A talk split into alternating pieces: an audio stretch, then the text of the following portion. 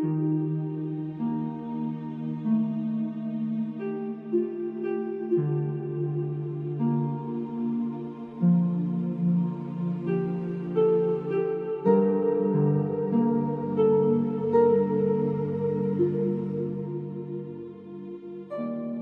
сонсогч таны энэ өдрийн амар амгалан айлтгая. Библийн хуудасаар радио цаурал хичээлийн маань нэгэн цоо шинхэн дугаар эхэлж байна. Тэгэхээр өнгөрсөн дугаарт бид Бурхан өөрийнхөө ард түмнийг нулимсан талхаар хооллож, нулимсыг ихээр уулгаж, гимшил уучлалт хөтөлсөн нэгэн гайхамшигтай дуулуудыг хамтдаа судалсан байгаа. Тэгэхээр энэ бол мэдээж баярын нулимс биш, харин шаналл зовлонгийн нулимс байсныг та санаж байгаах. Үнэн дээр Израиль үндэстэн шиг зовлон үтсэн үндэстэн. А тэгээд тэр их зовлонгийнхоо дараа оршин тогтнож үлдэж чадсан үндэстэн манай гаргийн хаанч үгүй болов уу? Магадгүй өөр бусад улс үндэстнүүд Израильчууд шиг хавчигдж, тэдэн шиг устгагдж, тэдэн шиг зовсон ч харин аль хэдийнэ үгүй болсон байхаа гэж жаргал агш маань бидэнд ихээхэн онцлон хэлснийг та санаж байгаах. Тэгэхээр олон зууны туршид Израильчууд нулимсаа ууж амьдарсан арт түмэн Яагаад гэвэл тэд өөрсдийн бурхан эзнийг үл тоосон. Бурхан хэдийгээр тэдний дунд байсан ч гэсэн ийхүү үл тоосон энэ явдал Иесус Христийг гашуудуулж уйлахад хүргэснийг харахад үнэхээр сэтгэл маань шимширч байлаа. Израилийн ард түмэнд бурхан өөр ямар ч үндэстэнд өгөөгүй асар их ивэл өрөөлийг өгсөн. А гисэн ч тэд бурханаас нүүр буруулж аимшигтэй шийтгэлийг хүртсэн байгаа. Тэгэхээр тэдэнд өгөгдсөн ивэл бол энэ дэлхийн ертөнцийн юутайч зөөрлөж хилж боломгүй тийм л агуу ивэл өрөөл байсан. Тэр зөвхөн Израиль үндэстнийг сонгож хүн болон мэндэлсэн. Харамсалтай нь тэд Есүс Христийг үл тоосон билээ. Тэгэхээр энэ бол зөвхөн Израиль үндэстэнд өнгөрсөн хугацаанд нь үлдсэн асуудал биш. Өнөөдөр эзэн биднийг сонгож өөрийнхөө хүүхдүүдээ болгон хүлээн авсан. Заримдаа түүнийг үл оошоож хажуу тийш нь тавих явдал бидэнд олон тохиолддог. Тэгвэл энэ хичээл бидэнд итгэлийн амьдралдаа хиймэл шүтэнүүд, хуурамч иш үзүүлэгч нарт мөргөж итгэхээс зайлсхийхийг сануулж хэлсэн байна. Тиймээ бид зөвхөн эзэн бурхнаасаа зуурч амьдрах учиртай юм аа. Ингээд өнөөдрийнхөө шинэхэн хичээлд тавтай морилно. Өнөөдөр бид дуулал номын хон 82, 83, 84 дугаар бүлгүүдийг хамтдаа уншиж судлах болно. Ингээд хичээлийн эхэнд энэ цагийг бурхан даатгаж хамтдаа залбирцгаая. Хайртай бурхан эзэн минь Энэ цагт бид таны үнэн үгийг хүсэмжлэн залбирч байна. Та бол шудрах шүүгч үлээ. Таны үг бол үнэн билээ. Эзэн бид таны өмнө зөвтөөр амьдрахын тулд та бидэнд үнэн үгээ илчлэн харуулаач. Та өөрийнхөө амьд үгээр дамжуулан биднийг таны оршихуй, таны өргөөрөө хүсэн тэмүүлдэг тийм хүмүүс болгон өөрчлөн шинчлээж аваа. Та бидэнд Израильчуудын өнгөрсөн түүхийг сануулж, итгэлийн алхмыг минь хурцлж өгөөч гэж гуйж байна. Их эзэн минь та бидэнд үнэхээр савны маань химжээг өгдөг. Харин бид таны өмнө өөрсдийгөө хэдий ч нэгээр хоослон та төдий ч нэгээр дүүргэж өгдөг учраас эзэн минь ээ танд бид ам амьдралаа оюун бодлоо зүрх сэтгэлээ өргөн даатгаж байна. Эзэн таны сүнс бидний дотроос ярьж хилж бидэнд сануулах болтугай бидэнд ятхан синхруулах болтугай. Их эзэн минь хичээлийн энэ цагийн эхнээс нь дуустал бид таны ариун мотарт өргөж эзэн Есүсийн нэрээр залбирanгуйж байна. Амен. Ингээд хамтдаа жаргал ах шиг хичээлд анхаарлаа хандуулцгаая.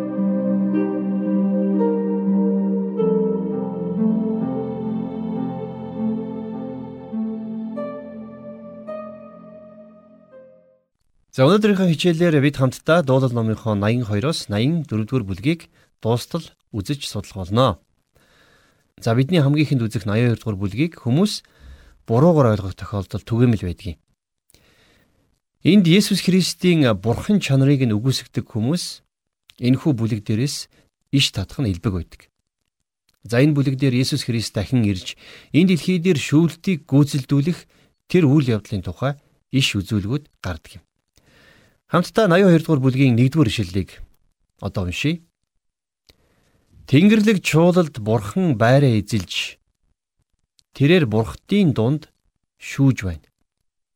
За Энд бурхан Тэнгэрлэг чуулалд байраа эзлэн шударгаар шүүж байгаа дүр зураг гарч байна. А гэхдээ энд гарч байгаа бурхад гэдэг нь хин бэ гэсэн асуулт гарч ирдэг. За энэ асуултын хариултыг бид дараачийн ишлэлээс харж болно. 2 дугаар ишлэлдэр Хэдий болтол та нар шудраг бусаар шүүж буруутад нүүр тал засна вэ? За тэгэхээр яг энэ Библийн ишлэлийг бол бид нэр их сайн ойлгох нь чухал байдаг. Бурхан хэнийг бурхад гэсэн бэ гэхлээр шүүгч нарыг бурхад гэж дуудсан байгаа. Яагад гэвэл тэд нар бурхны өмнөөс зогсож энэ дэлхий дээр шудраг ёсыг сахиулах ёстой хүмүүс. За 3-аас 4-р эшлэлдэр Дорой хийгээд эцэггүй хүмүүсийг өмгөөл. Зовгсод хийгээд гачигдагсдыг зөвтөг. Дорой болон гачигдагсдыг авар. Тэднийг буруутны гараас чөлөөл гэсэн байна. За энэ бол бурхны шүүгч нарт хандаж хэлсэн хүсэл үг нь байх нь байна. Тэгэхээр харамсалтай нь Израилийн шүүгч нар бурхны энэ хүслийн дагуу шударгаар шүүж чадаагүй. За өнөөдөр ч гэсэн бас шүүгч нар бурхны өмнө гэсэн сэтгэлээр шударгаар шүүж тэр бүр чаддгүй. Харин хожим нь Есүс Христийн дэлхий дээр ирэх үед тэр жинхэнэ төгс шүүгч байх болно. Тэр ядуусыг болон зовгсдыг, дарлагсдыг шударгаар өмгөөлөн зөвтгөх болно. Өнөөдөр энэ нийгэмдэр баян чинэлэг, эрх мэдэл танил талтай хүмүүс шийтгэлээс зайлсхийж эсвэл төлөх ёстойгоос хамаагүй бага торгуулийг төлдөг.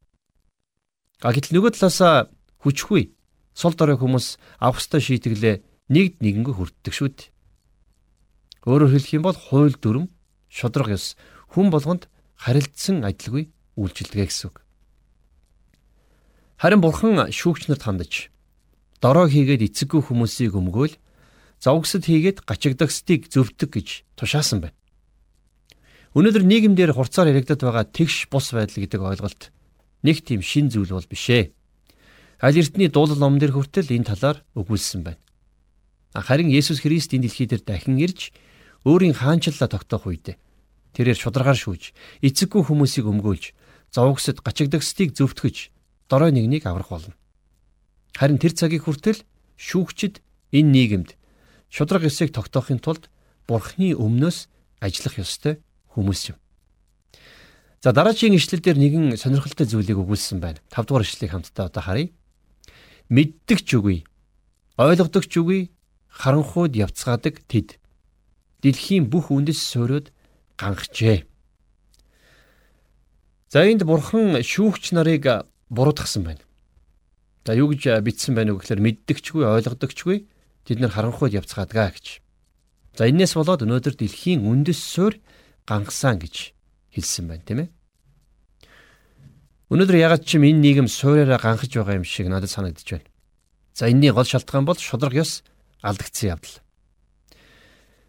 Есүстэй уулзсан Пилат гараа угаачаад энэ бүх замбраагүй байдалд би буруугүй гэж хэлсэн.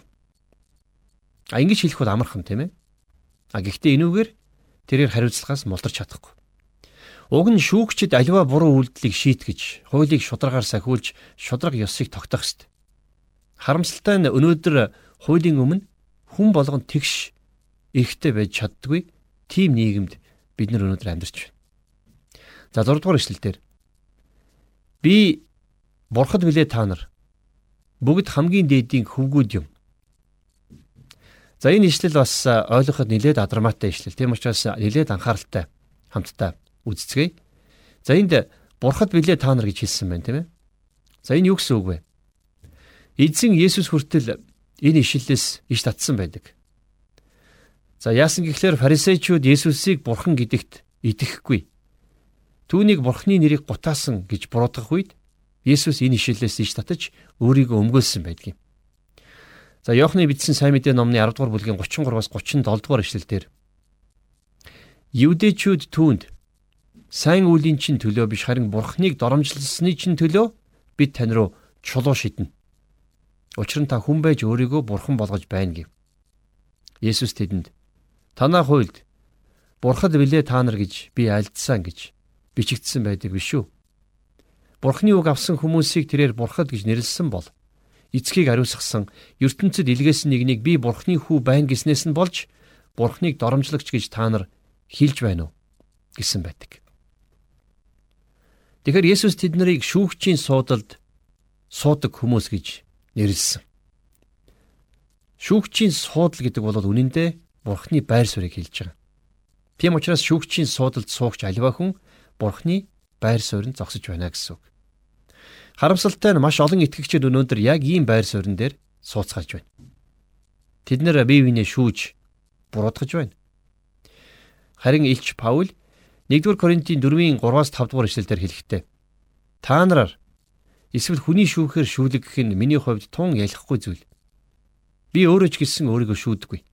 Өөрийнхөө эсрэг мэдэх юм надад байхгүй ч үүгээрээ би зөвтгөгдсөн биш. Харин намайг шүүгч нь эзэн мөн. Иймд цагаас өмнө эзний гертэл юугч бүү шүүгтэн. Эзэн харанхуйд нуугдсан юмсыг гэрэлд гаргах бөгөөд зүрхний санааг илрүүлнэ. Тэгээд бурхнаас хүн бүрд магтаал ирэх болно гэж хэлсэн байна. За Паулийн хэлэхдээ би цаг нь ирэхэд бурхны өмнө зогсгол болно. Тэм учраас хүмүүсээр шүүгдэх нь миний хувьд ялахгүй зүйл. Тэр бүхэл би өөрийгөө ч шүүдгүй гэж хэлсэн байна, тийм ээ. Итгэгч бид нар бусдыг шүүж эхлэх үедээ Бурхны өмнөөс бурхан болж тогж эхэлдэг юм. Ийм хүмүүсийг бурхан та нар бурхад үлээ гэж хэлсэн байна. Үнэхээр хуулийн өмнөөс шүүж байгаа шүүгчд Бурхны байр суурин дээр зогсож байгаа учраас бурханлаг Бурханаас имээдэг хүмүүс байх нь зүйтэй. Тэд хүмүүсийн амьдралыг шийддэг.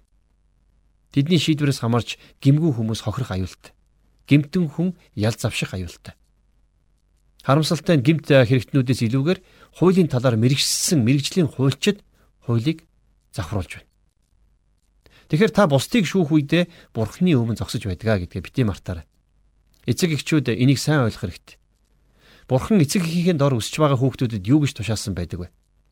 Колосын 3 дугаар бүлгийн 20 дугаар ишлэлдэр хүүхдүүдээ бүх талаар эцэг эхтэй дуулууртай байх тун. Энэ нь эзэнт таалагдана гэж хэлсэн байдаг шүү дээ. Гэтэл эцэг их нь хүүхдээ бурхны замаар дагуулахгүй. Тэд нарыг зөв шударга амьдрал сургахгүй бол яах вэ? Өнөөдөр ийм эцэг эхчүүд маш олон байна. Эцэг эхчүүд бол хүүхдүүдийнхээ өмнө бурхны байр суурин дээр зогсож байгаа хүмүүс юм. Тэм учраас бурхан тэр эцэг ихтэй хариуцлага тооцох болно. Сургаалт үгсийн 1-ийн 8 дугаар эшлэлдэр эцгийнхээ сургамжийг сонс хүмүн. Эхийнхээ хууль зааврыг битгий эсэргүүц гэж бурхан өөрөө айлдсан байдаг. Тэм учраас нэгэнт бурхан хүүхдүүдэд эцэг ихээ даг гэж тушаасан бол эцэг ихээс нь тэр хүүхдийн амь амьдралын хариуцлагыг нэхэх болно гэсэн үг. Хэрвээ бид нар хүүхдээ бурханлаг замаар өсгөж хүмүүжүүлж чадахгүй байгаа бол бид бурханаас тусламжгүй залбирах хэрэгтэй. За нэг алдартай пастораас нэгэн удаа нэг хүн ингэж асуусан байна. Тамд орхоос дорд зүйл гэвэл юу байх вэ гэж. Тэгсэн тэр пастор тамд очиод хүүхэдтэйгээ тааралдахад хамгийн аимшигтай зүйл. Тэгээд хүүхдээсээ чи яагаад энд ирчих вэ гэтэл аава таныг дагаад л би энд ирчихлээ гэж хэлэх юм бол тэр хамгийн аимшигтай зүйл байх болно гэж хариулсан байна.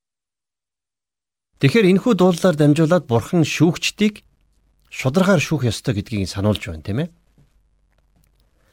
Бурхны өмнөөс бурхны байр суурин дээр зогсож байгаа бүхэн бурхны өмнө хожим нь хатуу тооцоотой байх болно гэдгээ санаж байх хэрэгтэй. За 7 дугаар ишлэл. Гэсэн ч та нар хүн шиг үхэж ноёдын нэгтэй шиг унах болно гэж. За бурхан шүүгч нарт буюу бурхны байр суурин дээр зогсож байгаа тэр хүмүүст хандаж та нар хүн хിവэрээ шүү гэж сануулж байна. Тэд нар өөрсдөө бурхны өмнө зогсоод шударгаар шүүгдэх цаг ойрхон байгаа гэдгийг энд бурхан сануулсан байна. За үргэлжлүүлээд дараах ишлэгийг уншийе. Бурхан босоод дэлхийг шүүгэж Учир нь бүх үндэстнийг эзэмшигч нь та юм а гэсэн байна. За энэ бол бурханлаг хүмүүсийн залбирал. Бид нар ч гэсэн бас яг ингэж залбирах учиртай. Бурхан босоод дэлхийг шүгээч гэж. Энэ дэлхий бол бурхных. Тэгэхээр энэ дэлхийн шүүгч бурхан. Ингээд 82 дугаар дуулал өндөрлөж байна. Одоо харин хамтдаа 83 дугаар дуулалыг эхлүүлцгээе. За 83 дугаар бүлэг бол Асафын дуулал байнамаа. Энэ дуулал бол Асафын зохиосон цоврал дуулуудынх нь хамгийн сүүлчийнх. За Асафын энэхүү дуулал дээр бурханлаг хүмүүсийн дайсныг шударгаар шүүхийг хүсэж гуйсан чин сэтгэлийн залбирал гардаг. Хамтдаа 1-2 дугаар ишлэгийг одоо уншийе. Аяа бурхан битгий дуугүй байгаач. Аяа бурхан Бүү намжин болооч. Бүү амгалан байгаач. Харагдун дайснуудад нь шуугж таныг үзэн ядагчид толгоогоо өргөссөн байна гэсэн байна. За энд гарч байгаа дайсны нь яг хэн болохыг бид нар мэдэхгүй ч гэсэн за ямар тач тэд нар бол бурхныг үзэн яддаг хүмүүс болох нь тодорхой байна тийм ээ. За тэгээд 3-аас 4 дугаар эшлэлдэр ард түмнийт нь эсрэг тэд залим ихийг төлөвлөж нандинэгсдийнт нь эсрэг чуулалдаж байна. Тэд Израилийн нэр ахин дурсагдахгүй тулд очиж тэднийг үндэстнэр нь арчицгаая гэвэ гэсэн байна. За энд Израилийг устгахаар төлөвлөж байгаа дайснуудын тухай өгүүлж байна. Тэгэхээр энэ дуулалыг яг аль үед бичсэн болох тал дээр Библи судлаачид их олон янзын таамгийг дэвшүүлдэг юм. За зарим нь энэ ишлэл дээрх үйл явдлыг Йехошафат хааны үед болсон явдлаа гэж үздэг. А миний хувьд энэ дуулал яг хизээ бичигдсэнийг бол мэдэхгүй. А гэхдээ ямар тач Асаф энэ дуулалыг бичсэн гэж бичсэн байгаа учраас Давид хааны хаанчлалын үед болов гэсэн таамаглал байдгиймээ. За гэхдээ дараагийн ишлэгийг харах юм бол нилээд сонирхолтой дүр зураг гарч ирнэ. За 5-аас 8 дугаар ишлэгийг харъя. Нэг зүрхээр хамтран хуйлдаж таны эсрэг тэд эвсэн нэгдэжээ. Идомын майхнууд болон Ишмаялчууд, Моабийнхан болон Хагричууд, Гибал, Амон болон Амалек, Филист, Тирийн оршин суугчид дээр Ассирч тэдэнтэй нэгдэж Лотын хөвгүүдэд тэд тус дэм болжээ гэсэн байна. За нэлээд олон үндэстнүүд дурддагдж байна. Энд гарч байгаа Лотын хөвгүүд гэдэг нь Амон болон Моабчуудыг хилж байна. За ингээд үзэхээр Израилийн түүхэнд Идомчууд, Ишмаэлчууд, Моабчууд, Хагричууд, Амончууд, Амеликчууд, Филистчууд, Ассирчууд хамтдаа нэгдээд Израилийн эсрэг тэмцсэн тохиолдол бол байхгүй. Тэгэхээр энэ үйл явдлыг Библийн багш нар ирээдүйд болох үйл явдал гэж үздэг. За өнөөдрийн байдлаар бол Израиль улсыг тойроод дандаа арабын улсууд хүрээлсэн байгаа тийм ээ. За тэдний хувьд бүгд мусульман шашинтай улсууд. За мөн улс төрийн бодлогын хувьд ч гэсэн бүгдээрээ Израилийн эсрэг бодлоготой. Тэгэхээр магадгүй энэ ишлэл дээр гарч байгаа зөгнөл гэх юм уу эсвэл иш үзүүлэг ойрын ирээдүйд биелэлээ олох эсхийг бид мэдэхгүй. А ямар ч тач энэ ишлэлээс болоод 83 дугаар бүлэг нилээд онцгой бүлэгт тооцогдох болсон юм. Харин 83 дугаар бүлгийн үлдсэн ишлүүд нь Бурхны дайснууд дээр шудраг шүүтийг хүссэн залбирсан залбирлуудаас бүрдэж байна. Хамтдаа 9-оос 10 дугаар ишлэгийг одоо уншийе. Медианд үйлдсэн шиг Кишон голын дэргэд Сисера Яби нарт үйлдсэн шигэ тэдэнд хандаач. Эндорт сүнсэн тэд газарт хаягдах бууц мэт болжээ. За тэгэхээр хуучин гэрээний шүүгчд номон дээр бол Бурхан Израилийн эргэн тойрны үндэснүүдийг шүүж байгаа тухай үйл явдал гардаг тийм ээ. Тэгээд тэдний бузар муу гим нүглийнх нь улмаас Бурхан тэднийг хатуугаар шүүсэн байдаг. Бурхан тэрнээс хойшч улс үндэстнүүдийг шүүсээр ирсэн. Ирээдүйд ч шүүнэ. Ягад гэвэл Бурхан бол хизээч өөрчлөгдөшгүй Бурхан. Тийм учраас бид нэр улс үндэстнэрээ Бурханы өмнө ирж гимшиж Бурхан руу эргэх нь л чухал байна. 13 дугаар ишлэгийг одоо уншийе. Бурхан минь ээ хамхуул мэд салхинд хийсэх сүрэл адил болгооч гэсэн байна. За бид нар нэг зүйлийг ойлгох хэрэгтэй. Библиэлд иймэрхүү хилэгнэн хорссон залбирлууд цөөнгөө байдаг. Энэ бол тухайн үеийн буюу хуучин гэрээний үеийн сэтгэлгээнээс урган гарсан залбирлууд. Харин шинэ гэрээний үеийн итгэгчид бид нар ингэж залбирах ёсгүй. Эзэн Есүс биднэрт дайснаач хайрл гэж тушаасан байдаг шүү дээ. 14 дугаар ишлэлээс ойг шатаадаг гал мэт уулсыг шатаадаг дүл шиг. За тэгэхээр ойг шатаадаг ойн төмөр байдаг шиг тэднийг шатаагаач гэж энд хэлсэн байна тийм ээ. Бурхны дайснуудын дээр ийм аимшигтай шийтгэлийг буулгаж өгөөч гэж Асаф залбирч байсан байх шүү дээ. А гэхдээ би дахиад хэлье. Бид нэр ингэж залбирах ёсгүй гэдгийг би энд онцлон давтмаар байна. За 18 дугаар ишлэлээс үргэлжлүүлэн одоо харцгаая. Ингэснээр эзэн химээх нэртэй таал ганцхан бүх дэлхийн хамгийн дээд нэгэн гэдгийг тэд мэдэх болтугай. За энд гарч байгаа эзэн гэсэн үг нь бол Израиль дээр Йехова гэсэн үг байгаа. За бүх дэлхий тэр аяараа Йехова бол хамгийн дээд нэгэн гэдгийг мэдэх цорын ганц зам байгаа. Тэр бол бурхны шүлт. Хүмүүс бид нэр бурхан руу ойртох биш харин ч бурханаас улам илүү холдсоор байна. Харин Есүс Христ дахин ирж энэ дэлхий бурхны шудраг шүүлтийн өмнө зогсоход дэлхий даяараа эзэн бол бурхан гэдгийг олж мэдэх болно. За ингэж 83 дугаар бүлэг төгсдөг. Одоо харин үргэлжлүүлээд 84 дугаар бүлгээс хамтдаа товчхон судалцгаая.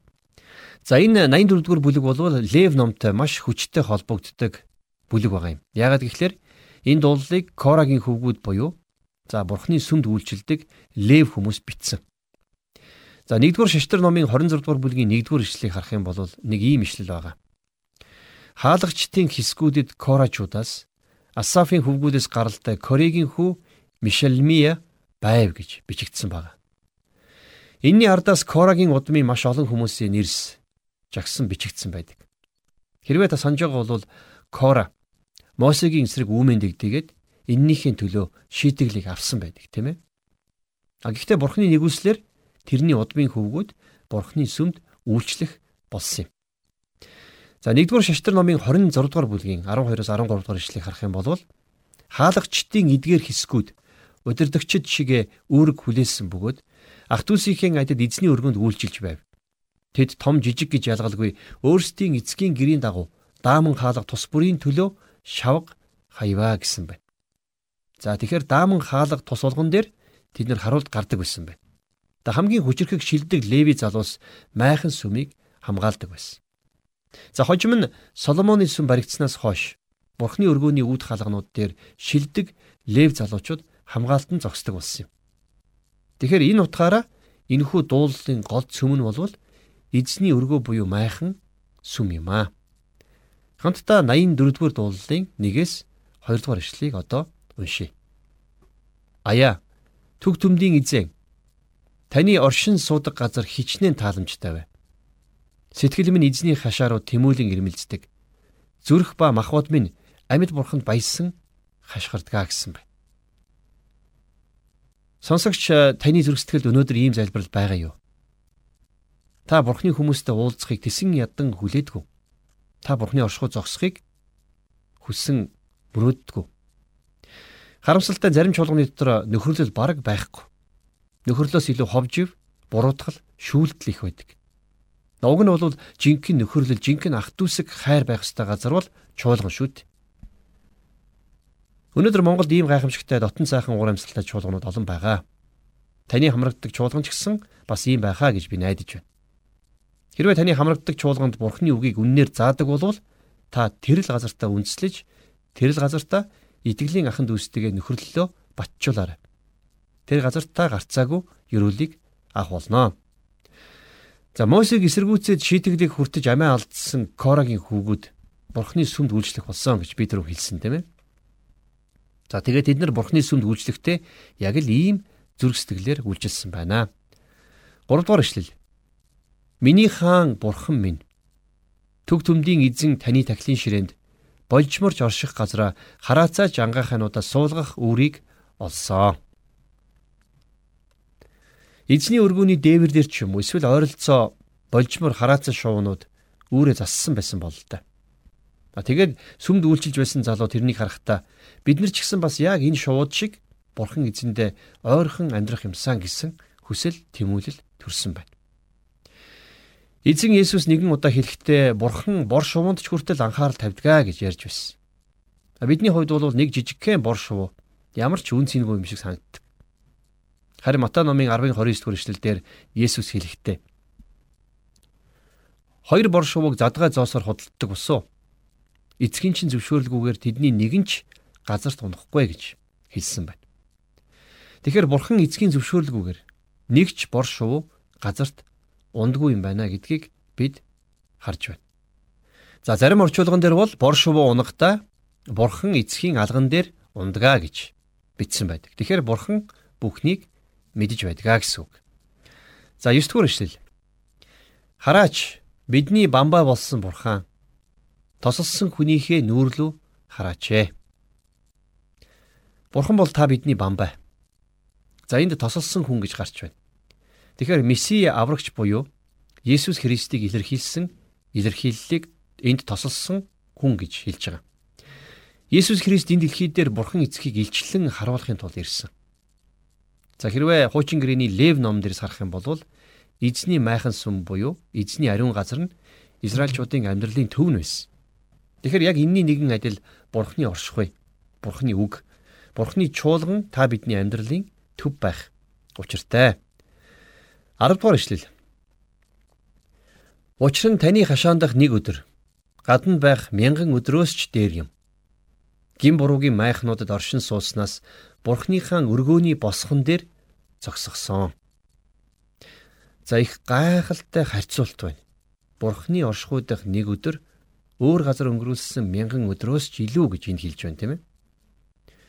Корагийн хүүгүүд яг үнэндээ ийм үйлчлэл хийдэг байсан.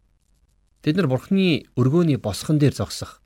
За бас эзний өргөөний хаалгач, сахиул, хамгаалагчийн үргийг гүйцэтгэдэг байсан. Өнөөдөр итгэж та бидэнд яг ийм хандлага байгаа болов? Заримдаа ням гаргийн номлол жаахан удаашрахад л цагаа хараад эхэлдэг хүмүүс олон байдаг. Цуглаанда хам хум суучгаад бушуухан гараад явцдаг хүмүүс ч олон байна. Харин үнэндээ бурхны өргөнд бурхны оршихуйд байх тэр цаг мөч өөр ямар ч цаг мөчтэй зөөрлөлшгүй чухал цаг мөч юм аа.